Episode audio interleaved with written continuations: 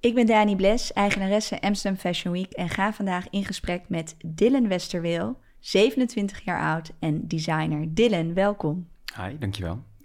Dylan, voor iedereen die nu luistert, wat is jouw Instagram-account? Dylan Westerweel, heel simpel. Dat was hem. Vertel ons, waar ben jij begonnen en hoe ben jij designer geworden? Oeh, ehm, ik ben een designer geworden. Ehm, ik heb heel lang zelf gedanst, op professionele balletacademie gezeten. En daarna was ik eigenlijk een beetje lost wat ik wilde gaan doen. En toen ben ik een voorbereiding in Arnhem gaan doen van Artes. En toen ben ik erachter gekomen dat... Kom je daar zomaar op? Die voorbereiding kom je zomaar op. Uh, Artes zelf kom je niet zomaar op. Uh, dat is best wel een strenge selectieprocedure. Hoe gaat dat in zijn werk? Nou, omdat ik die voorbereiding had gedaan, kreeg je een soort van side path om dit te doen. Dus dat werd het wat makkelijker gemaakt, omdat je eigenlijk tijdens de voorbereiding je hele portfolio opbouwt. Uh, dus dat maakt het heel fijn. Vooral, ik wist niet wat ik wilde doen, dus ik had geen portfolio van 100.000 tekeningen thuis liggen.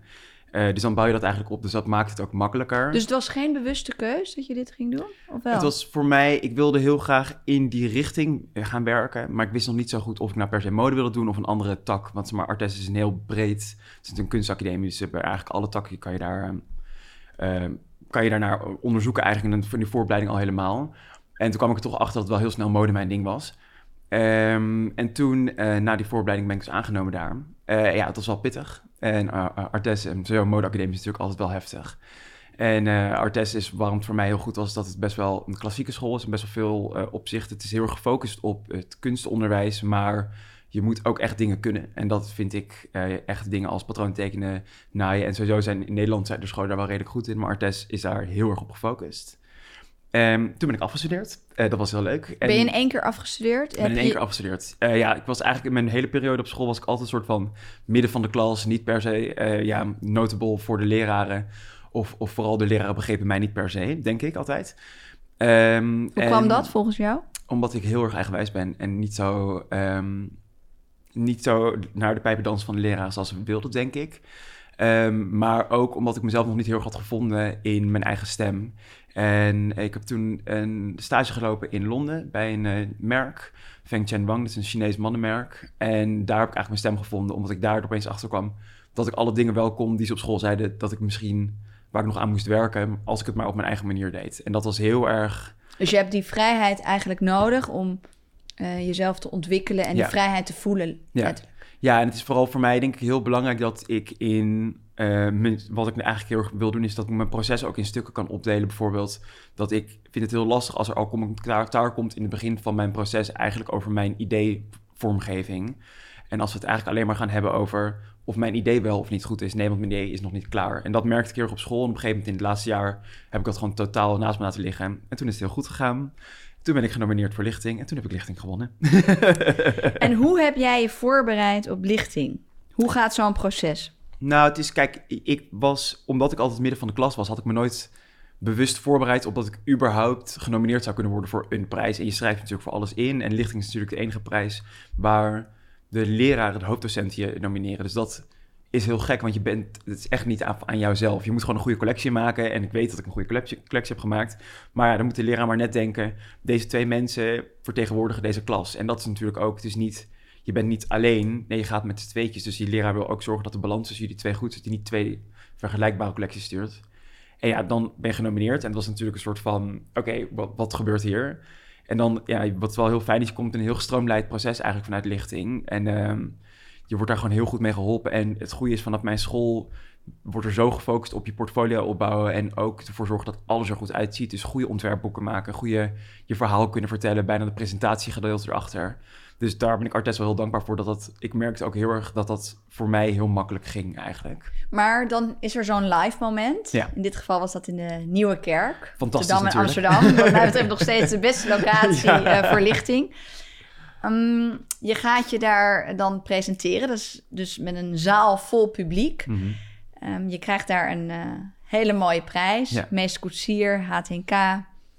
Um, wat, hoe belangrijk is dat? En wat kan je daar dan echt mee? Ja, nou, wat, wat zo gek is dat, vooral omdat ik er nooit mee bezig ben geweest dat ik het ooit zou kunnen winnen, was zo'n dag was heel raar voor mij, omdat ik, het was fantastisch en natuurlijk in Amsterdam geboren en in Nieuwkerk een fashion show doen is wel een soort van de kerst op de taart van alles wat ik ooit zou kunnen doen, eigenlijk al, maar nu al bijna. Um, Maar dat winnen was voor mij heel... Het was heel raar. Ik, ik liep er als een soort van imbeciel met een eh, hele grote glimlach liep ik daar rond. En ik wist helemaal niet meer wat ik mezelf aan moest. En uiteindelijk heeft het mij nu kunnen brengen dat ik mijn tweede collectie heb gemaakt. ehm, dat ik vrijer kan nadenken. En dat is gewoon heel stom, maar geld doet dat gewoon. Ehm 10.000 euro voor een collectie is niet En heel je veel. hebt 10.000 euro gewonnen. Ja, 10.000 euro is heel veel geld, maar voor een collectie gaat dat best wel snel. Eh, als je een- een pand moet huren waar je erin moet zitten, je weet, je bent, dat gaat best wel snel, maar je komt... Zou het voor jou fijn zijn als je met eh gelijkgestemden en andere designers dus in een omgeving zou zitten waar je collectief lager zou kunnen huren, bijvoorbeeld? kan ik me nou, ik, voorstellen. heb, ik heb nu heel toevallig zit ik bij Nina Moena in het pand. Eh, ik heb ook via haar dat, eh, dit is gewoon een anti-kraak, dus dat is eigenlijk, dat maakt het al heel veel makkelijker. Maar zulke soort plekken in Amsterdam zijn er gewoon te weinig, waar je voor een beetje een normale prijs een plek kan huren. Want je, je kan ja, voor 500 euro een, een desk huren bij iemand, maar dan heb je niks aan als designer. En als startend designer eh, werk je duurzaam.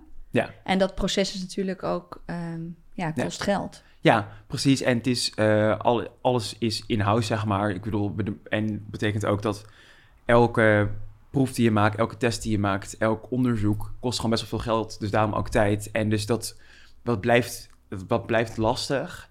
Maar voor mensen even die luisteren, wil ik heel veel teruggaan naar je eerste collectiepresentatie in de Nieuwe Kerk in Amsterdam.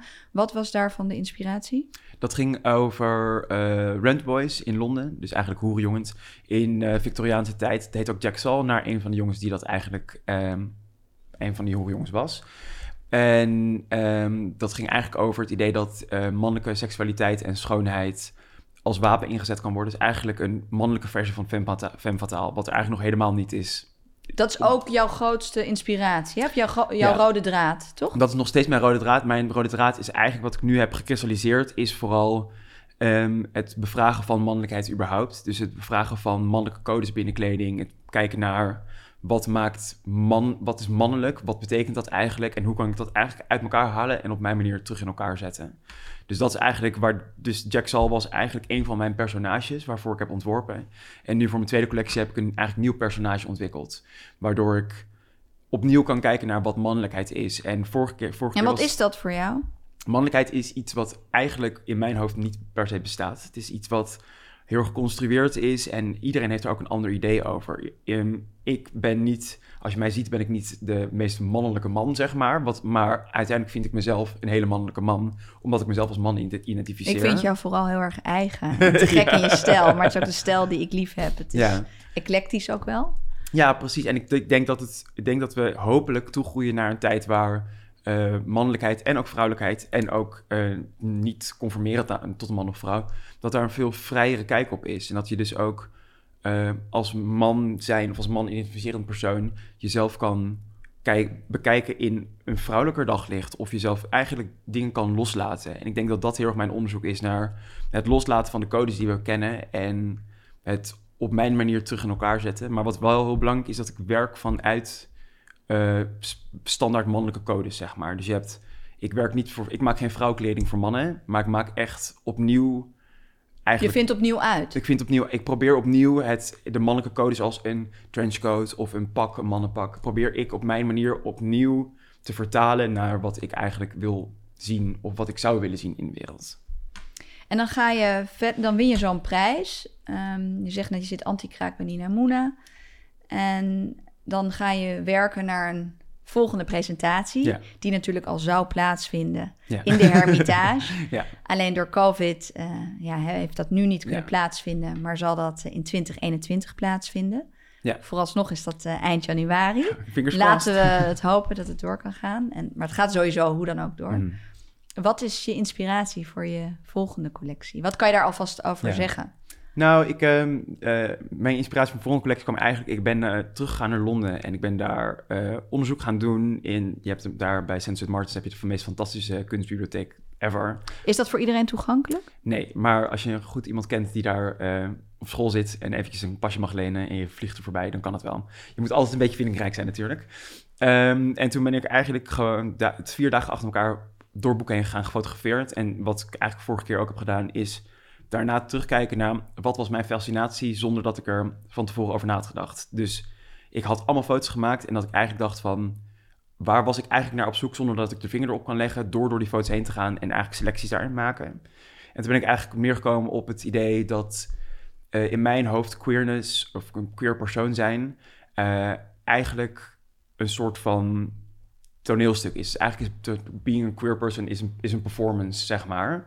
Eh, omdat je van je wordt geacht je te verhouden tot de wereld op een bepaalde manier. En soms wil je jezelf wel naartoe verhouden en soms niet.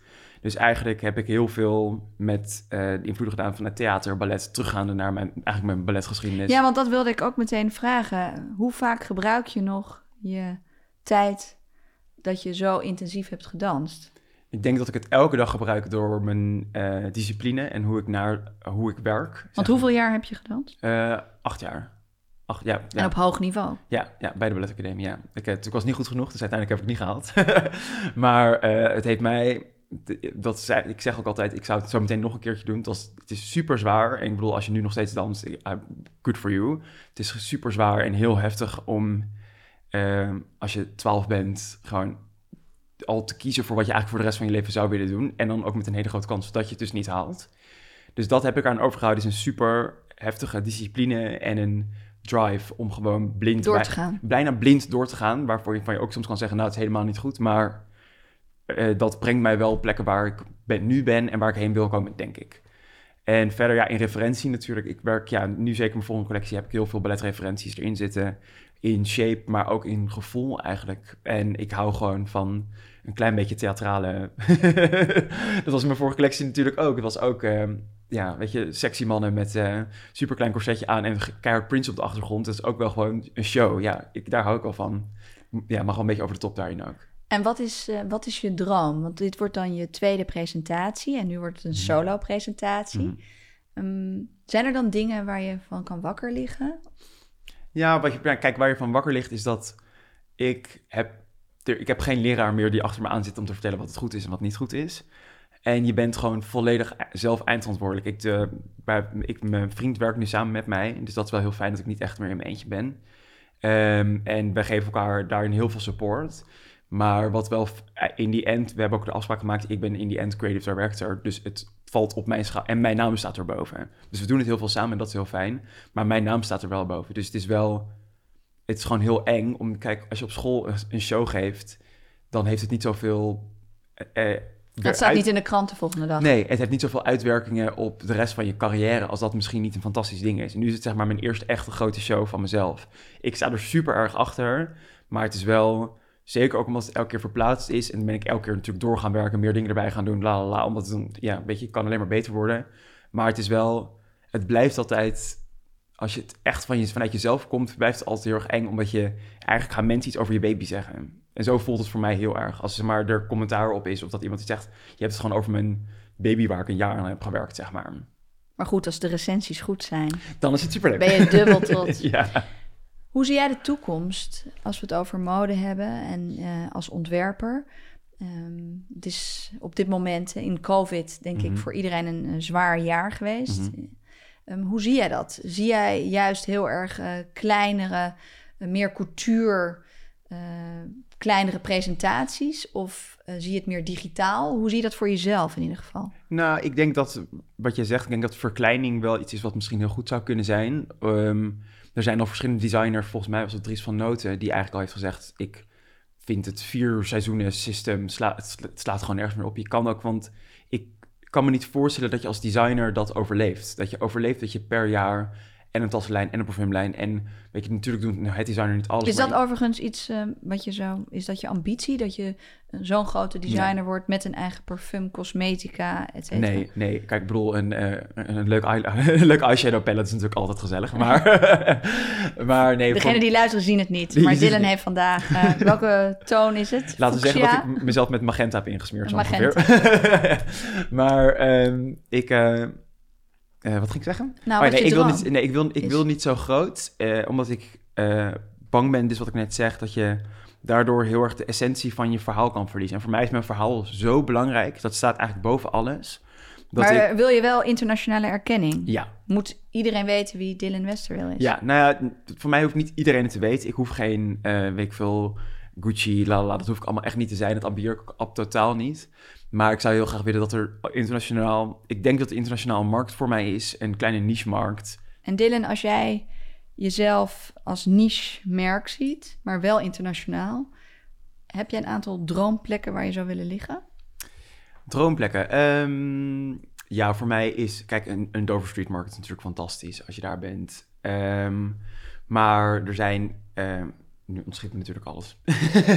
Nee, maar Dover Street Dover Market Street is dan Market is daarin een goed voorbeeld. Ja, je hebt LNCC, dat is natuurlijk heel tof. Eh, ik denk dat er vooral... ehm, je hebt heel veel kleine niche meer die klein inkopen...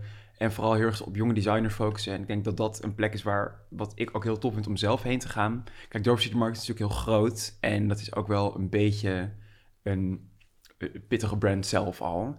Eh, maar voor mij, ja, ik zou gewoon willen dat ik, dat ik zichtbaar ben... in kleine, meer boutique spaces, zeg maar. Dus niet, voor mij hoef, hoef ik hoef niet in de bijkorf te hangen. Het zou hartstikke leuk zijn, maar het hoeft voor mij niet per se. En show in het buitenland? Zie je Amsterdam Fashion Week als springplank naar Ja, ja ik denk dat... Parijs, Londen? Ja, en ik denk dat voor mij is Amsterdam Fashion Week heel erg... eh, ik bedoel, ik ga nog niet weg, zeg maar. Ik durf nog niet weg te gaan. Maar het zou voor, ik denk dat het heel erg een springplank is, want het is... Ja, je, dit is de enige manier waarop je eigenlijk een soort van visibility kan krijgen buiten social media, zeg maar. En ik geloof veel meer in dat live dingen er toch echt anders uitzien.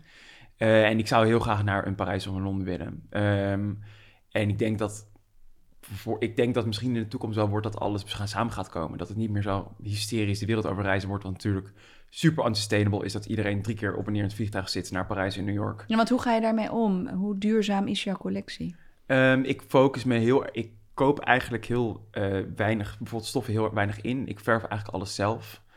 Ehm, om daar probeer het in de hand te houden. En dan probeer ik, als ik bijvoorbeeld iets verf, in hetzelfde bad vier stoffen te verven. Eh, als ik, in, als ik, ja, eigenlijk is het zo zero waste mogelijk, probeer ik te werken. Alleen is het natuurlijk lastig, omdat je, ik probeer daar heel erg over na te denken. En ik ben ook echt heel erg bezig met dat ik niet lappen en lappen stof gewoon in weggooi. En ik kan altijd proberen het weer uit elkaar te halen en weer opnieuw in elkaar te zetten. Dus ook in het hele proces probeer ik zero waste te zijn. Dat kan omdat ik heel klein ben en daar de tijd voor heb eigenlijk.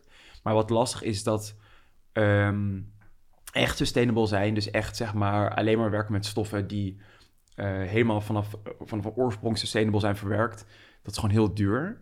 Ehm, en dat zou ik wel graag willen, alleen het is voor mij nu, dan zou het ook ten koste gaan van eh, mijn verhaal. Dus dat maar dat een zou beetje wel een mooie ambitie kunnen zijn natuurlijk. ja, precies. En het is wel iets waar ik heel erg over nadenk, zeg maar. Ik, eh, ik wil niet eh, sp- spullen van op AliExpress bestellen voor mijn... Weet je, dat zijn allemaal Ja. dingen die wel gewoon echt gebeuren. En ik, voor mij is dat gewoon geen optie. Ik wil veel liever sourcen naar plekken in Nederland of, of in Europa... waar mensen dingen pot kunnen maken... of waar mensen dingen hebben die ik wil gebruiken. En ik denk dat... Ja, voor mij is het een belachelijk idee dat mensen de hele wereld over reizen... op en neer, op en neer voor, drie fashion, voor vier fashion weeks. Maar jouw looks wil je natuurlijk graag terugzien in internationale bladen Ja. en titels. Dus Ja. die looks mogen wel in een pakketje Ja. op de post. Ja. Ehm, waar zou jij heel graag in willen staan? Oeh, ehm, waar zou ik Welke stylist volg jij bijvoorbeeld? Welke stylisten vind jij Ja, goed? en wat ik, waar ik heel graag in zou willen staan, is iets als een, eh, een numero, zou ik heel tof vinden. Ehm, ik vind, wat een beetje gek is eigenlijk, eh, heet het de Gentleman? De Gentlewoman en de Gentleman? Ja, precies. En dat vind ik namelijk, wat ik daar tof aan vind, is dat het een heel intellectueel, een heel intellectuele lading heeft. Het, er komt een nieuw magazine uit, Slippage Magazine. Eh, volgens mij heet het Slippage? Hmm, ja, volgens mij wel. En die ehm, zijn die echt precies bezig met wat ik aan het doen ben. Eh, dus die, zei, die gaan nu ook in haar en ben je daar dan al in contact mee bijvoorbeeld? Nee, Ik, eh, je kan daar gewoon eigenlijk je werk naar insturen. En dan kunnen zij selecteren of ze daar eh, in willen zetten. Dus ik, kan, ik heb mijn lookbook al geschoten voor mijn volgende collectie. En doe je dat dan ook? Ja, ja, ja, en dat is eigenlijk de enige manier voor mij om mensen te bereiken, is gewoon alles zelf eruit te sturen. En alles Dus jij bent heel bewust zelf bezig met je eigen PR. heb. Ja, ik zit er wel op mijn bureau, maar vooral eigenlijk wat ik Bij zelf... welk bureau zit Ik je? zit bij Offgrid, zit ik. Ehm, maar eh, ik eh, ben, ben vooral daar zelf mee bezig met mezelf pushen naar... Kijken naar welke Vind je dat spannend? Nee, want ik ben... ik- ik- Kijk, wat ik nu lastig vind, is dat ik nu lang niet heb kunnen doen... omdat mijn collectie nog niet geshowd is, zeg maar. Dus kijk, die oude collectie hebben de mensen nu wel gezien, zo ongeveer. Maar voor mij is het heel belangrijk... Ik denk, ja, met brutaal mensen heeft de wereld. Eh, als ze het niet willen, dan, dan verwijderen ze het gewoon. Nee, maar dit is ook leuk voor studenten die luisteren Ja. en nog moeten afstuderen of wellicht volgend jaar op lichting eh, Ja. zijn. ehm, om te weten van ja, hoe werkt dat nou Ja. eigenlijk? En ook vooral nalichting. Wat staat je dan allemaal te doen? En eh, tegen welke dingen loop, loop je aan, letterlijk? En ehm, wat zijn nou dingen die je zelf echt kan oppakken en waar je actief Ja. mee aan het werk kan? Ja, nou kijk, ik denk dat je vooral heel erg... Kijk, als je op school zit, kan je natuurlijk best wel nog in zo'n fantasywereld leven. Van, oh ja, mijn modewereld is dit, bla, bla, bla. Dat is superleuk. En dat had ik ook heel erg. Toen kwam ik eruit en toen had ik een hele goede collectie gemaakt. En lichting gewonnen, maar mijn, mijn werk wordt heel weinig gebruikt. En dat is omdat het ingewikkeld is, omdat voor mannen wordt het bijna niet gebruikt. En voor vrouwen is het dan allemaal net te groot, zeg maar. Dus dat was, dat, daar liep ik heel erg tegenaan. Ehm, dus daar Wat ik- heb je daar dan van geleerd? Wat had je dan nu achteraf gezien anders gedaan? nou, wat ik, wat ik zelf had moeten doen, is zelf meer documentatie maken van mijn eigen werk. Want op een gegeven moment is je content heel stom, dat is belangrijk, is gewoon op. Ehm, en dus ook toen heb ik niet zo gepusht als wat ik, nu zou, wat ik nu begin te doen met mijn eigen werk. Dus echt mezelf naar buiten, gewoon, weet je, ga een dag zoeken op Instagram en je vindt de meest fantastische stylisten en stuur gewoon je lookbook. Stuur het gewoon. En wat zijn mensen die je dan volgt op social media bijvoorbeeld? Of stylisten? ik ben heel slecht in namen, ik kan echt niks uit mijn hoofd denken nu. nee, ik kan, eh, nee. Of lees je veel? Ehm, nou, ja, ik ben vooral op, in- op Instagram kan je gewoon, wat heel fijn is, dat natuurlijk, het, het is heel gedemocratiseerd over. Het is zo makkelijk iemand te vinden die gewoon misschien net beginnend is of juist heel groot is en om daarmee in contact te komen. En dat is voor mij iets wat heel rijk is. En ik denk dat het heel belangrijk is om allemaal magazines, weet je, de tofste magazines die, die er zijn, dat je die koopt en kijkt, oké, met welke stylist is het gedaan, welke fotograaf heeft het gedaan, welke editor heeft erbij gezeten. En als je Ja, maar die kan je dan op die manier gewoon heel makkelijk een bericht Ja. sturen. Want nee heb je en ja kan je krijgen. En het is helemaal niet erg. En kijk, weet je, als er... eh, ja, 9 van de 10 keer zeggen hoor je niks terug. Maar je zal maar net iemand hebben bij bijvoorbeeld een numero die zegt... Oké, ja, top, we, stuur maar hier die collectie en we gaan er een shoot mee doen. Heb je bijvoorbeeld op jouw atelier ook eh, stagiairs werken of oud-collega's van school? Nee, nou, mijn vriend en ik dus samen. Ehm, en dat was het eigenlijk. Het is voor mij nu...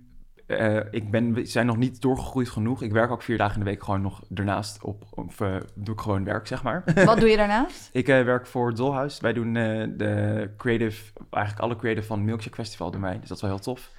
En ehm, we doen verder allemaal grote, allemaal events en allemaal marketing, fantastische dingen. Dus jij werkt vier dagen daarnaast Ja. om wat te verdienen. Ja, om gewoon in Amsterdam te kunnen wonen. Daarnaast eh, heb je dan nog drie dagen over en alle avonden. en alle avonden, ja. Dus eh, vlak voor mijn lookbook shoot heb ik toen, ehm, nou, heb ik denk ik een maand, twee maanden lang achter elkaar elke dag van 9 tot 11 gewerkt. Dus 9 uur 's ochtends naar mijn kantoor en dan tot 11 uur 's avonds of later. En dan de andere dagen ook. Dus je moet er wel wat voor over hebben. En als je dan kijkt naar het proces waar je nu in zit, Ja. ehm, is je collectie al af? ja, collectie is af. Dus dat is heel gek natuurlijk. Dat je. Ik, mijn, collectie had al drie keer af moeten zijn eigenlijk. En ik heb nu. Maar merk je dan, eh, had wel af moeten zijn, maar het is dan toch niet af en dat je het parkeert. Het Ja. concept is klaar, maar dat je toch daar constant weer Ja, iets hij is aan nu echt toevoegt. af. Hij is nu echt ja, af. nee, het voelt nu ook echt als ik zeg maar. Net met de schilderij, als ik er nu nog aan ga zitten, ga ik het lelijk maken. En ben je dan nu eigenlijk parallel al bezig met een volgende collectie? Ja, dus ik ben nu eigenlijk twee weken geleden heb ik mijn vorige collectie geschoten. Dus die heb ik tenminste mijn huidige collectie. Het is nog niet eens uit, maar die heb ik eh, geschoten met een fantastisch team. En dat was echt. eh, daar ben ik super blij mee. En hoe financier je dan zoiets? Eh, ja, van, ik, daarvoor werk ik ook. Dus het is, eh, kijk, die 10.000 die 10.000 euro gaat snel op. Zeker omdat het natuurlijk nu ook langer duurt dan normaal gesproken. Ehm, en, maar dat heeft natuurlijk wel, laten we zeggen, 90% van de collectie betaald. Ehm, en ja, dit soort dingen moet je gewoon uit de eigen zak betalen. Maar er zijn natuurlijk ook heel veel mensen die zeker in deze tijd hungry zijn om mooi werk te maken. Weet je, ik en heb met, portfolio op te ja, bouwen bijvoorbeeld met. Lato- met Latoya, die uh, het for Fashion Week vaak, heb ik het samen gedaan. En ja, met- zij is de ambassadeur van Sebastian. ja, ja, dus zij, werkt dan ook. En eh, ik heb vaker met haar gewerkt. Heb je met haar ook al het concept doorgesproken voor januari? Eh, ja, nou ja, zij heeft nu de shoot ook gedaan. Dus ehm, ik weet niet of zij het haar in januari gaat doen. Maar dan, dat zou heel tof zijn. Ik ben een keer met haar in Parijs geweest ook. En, en, maar dus dat is fijn als je op een gegeven moment een netwerk hebt van vrienden en mensen om je heen die ook je gunnen. Kijk, je moet je modellen moet je betalen. eh, make-up mensen moet je betalen. Maar bijvoorbeeld met, een, met andere mensen die je goed kent, kan je gewoon zeggen: Oké, we willen gewoon tof werk maken. Wil je tof werk maken? Ja, nee. En, jouw partner, doet die dan meer het zakelijke gedeelte? of nee. doe jij dat? Hoe, hoe Nee. hebben jullie dat verdeeld? Nee, ik, ik ben eigenlijk, ik regel alles, dus ik doe er maar dat zakelijke gedeelte ervan. Eh, en hij is vooral ehm, eigenlijk mijn technische ondersteuning bijna, om het even heel stom te zeggen. Maar hij is veel beter in patroontekenen eh, en eigenlijk al die kleine, zeg maar, het kleding de kleding maken zelf. En ik ben van het grote experiment en van alles regelen en van het, eh, eigenlijk het verhaal bedenken. Dus ik ben nu ook bezig met mijn volgende collectie. En nu ben ik gewoon vooral research, films kijken, boeken lezen. En dan is het, ben ik eerst voor een spons en dan komt het eruit wat ik eigenlijk wil zeggen.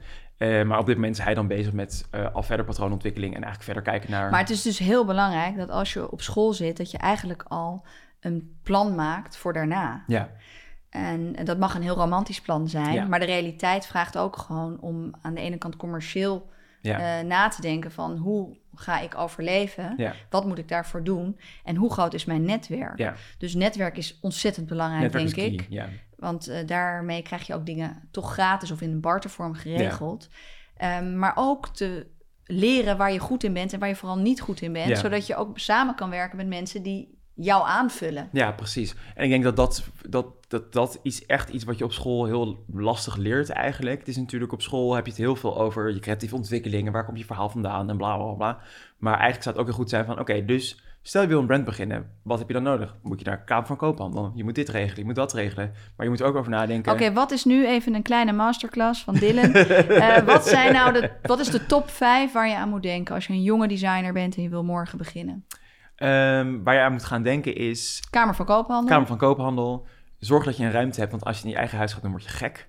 Ehm, zorg dat je mensen om je heen hebt met wie je kan werken en die je vertrouwt om met jouw werk om te gaan. Ehm, regel een platform voor jezelf. En dat kan zijn op Instagram, maar het kan dan bijvoorbeeld ook zijn op Fashion Week. En de vijfde is PR. PR. En, oh, Naast en, de zesde, en de zesde is heel hard werken. Ja, maar als eh, het een hobby is en een passie is, Ja.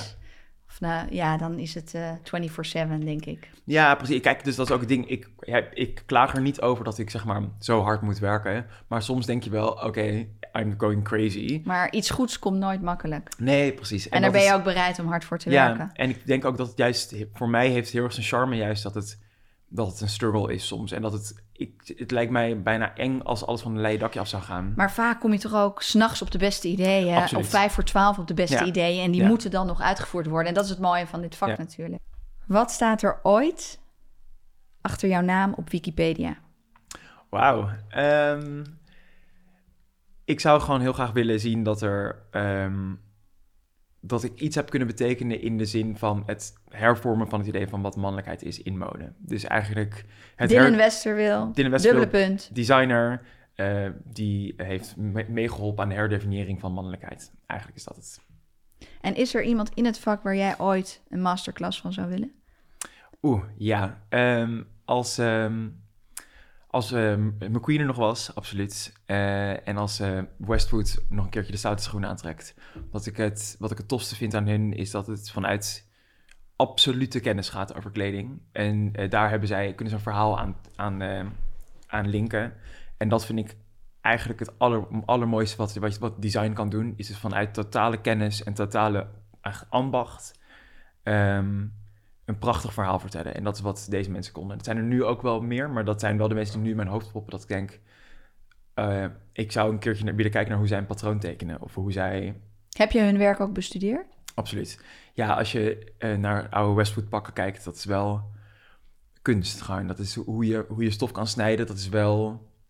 Dat is gewoon echt niet normaal. Ik ben helaas niet daar, maar dat zijn ook mensen... Ja, kijk, als je in Londen bent en je kwam met mensen van Savile Row werken... die gewoon uit een losse pols een pak kunnen tekenen... Ja, dat is natuurlijk wel een droom. Dus dat, dat, dat zijn wel voor mij mensen. Heb je ooit bij haar gesolliciteerd voor een stageplek? Nee, we mochten van school niet stage, bij haar stage solliciteren... want het eh, scheen niet zo leuk te zijn om daar stage te lopen. Nogal pittig.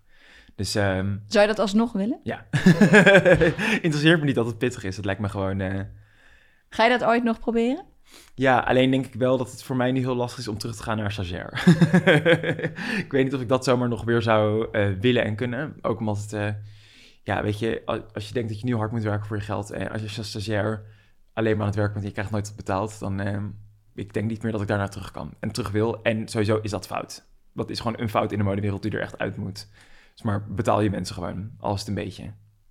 Om ook te stimuleren. En iedereen moet leven uiteindelijk. Iedereen moet leven. Weet je, ja, je kan, ik, moet, ik heb vijf maanden Londen gewoond zonder betaald te krijgen. Dat is best wel, best wel ingewikkeld. en natuurlijk Ja. heb je studie erbij. En natuurlijk heb je het allemaal. Maar leven in Londen is gewoon vier keer zo duur als dat het zelfs in Amsterdam is. Dus dat, ehm, dat vind ik een hele grote fout in de modewereld. Als je met mensen werkt, moet je ze gewoon betalen. Doe jij dat ook met stagiairs? Ik heb geen stagiairs. Oh nee, je hebt geen stagiairs. en, dat, en het is, eh, ik zou, kijk, realistisch gezien zou ik natuurlijk nu willen dat ik ze niet, dat ik stagiairs niet te betalen. En uh, nee, maar ik denk dat je het ook bedoelt. Dat hoeft niet, dat is niet meteen een salaris, maar je wil wel stagiair stimuleren en wel iets van een vergoeding geven en daarmee ook waardering geven. Ja, nou al is het, weet je wel, uh, al is het de vergoeding voor als ze met elke dag met de trein op en neer moet, weet je wel. Ik vind dat daar gewoon over nagedacht moet worden dat je je kan, je kan niet mensen gewoon zomaar voor je laten werken voor niks. Dat is gewoon heel raar. Ik denk wel dat het heel waardevol is. Ook weer voor jou om een stagiair op een gegeven moment aan te nemen. Omdat je zelf weet hoeveel baat je hebt bij je ja. Ja, praktijkervaring. Ja, nee, heel erg. Alleen denk ik dat, ik, dat we nu nog in, in een plek zitten waar het nog niet per se waar ik het zou kunnen loslaten aan, voor een stagiair, zeg maar. Komt ehm, nog. Ja, precies. En als ik dan gewoon iemand anders heb die, er, die ook nog eventjes bij ons werkt, echt, dan kunnen we het gewoon makkelijker regelen. Maar... En volgend jaar, Amsterdam Fashion Week 2021, wie vind je dat daar moet staan? Ik zou het heel tof vinden om um, meer designers die uh, echt aan storytelling werken te doen, eh, te, te, te zien. Dus vorig jaar, vorig jaar hebben die uh, Bordiel gehad, dit jaar eigenlijk. En dat vind ik heel tof, omdat ik... Dat is heel erg een stem die heel erg nodig is. Um, en eigenlijk dat dat soort stemmen op de voorgrond worden gezet. Ik denk dat het heel belangrijk is dat je uh, veel, eigenlijk veel jonge designers een kans geeft. Want als, je als er altijd eentje is, natuurlijk heb je de lichting, maar als er altijd eentje is, dan blijft het daarbij en blijft het bij dat verhaal verteld Net als zo'n concept met Durand Ja, en ik denk dat dat heel tof is, dat je daar eigenlijk... Uh, je geeft meer mensen de kans en dan, je hebt die voedingsbodem is gewoon heel goed. En door Fashion Week heb je gewoon een platform. Dus, en daardoor word je ook zekerder van jezelf en durf je ook sneller, denk ik, stappen te nemen verder. En ik denk dat dat heel, heel tof en heel belangrijk is, dat je je als jong persoon ook gezien voelt uh, door iets als Fashion Week, maar ook door iemand als Duran bijvoorbeeld. Dat je dat we met z'n allen daardoor kunnen groeien en dat het niet... Ja, en er is gewoon heel veel goed talent. en daar moeten we wat mee doen. het is niet normaal. ja. Dus voor mij veel huiswerk voor komend jaar. Eerst sta jij op de planning voor eind januari. Mhm. Ik uh, wens je ontzettend veel succes en ben heel erg blij dat je erbij bent. Dankjewel. Dankjewel.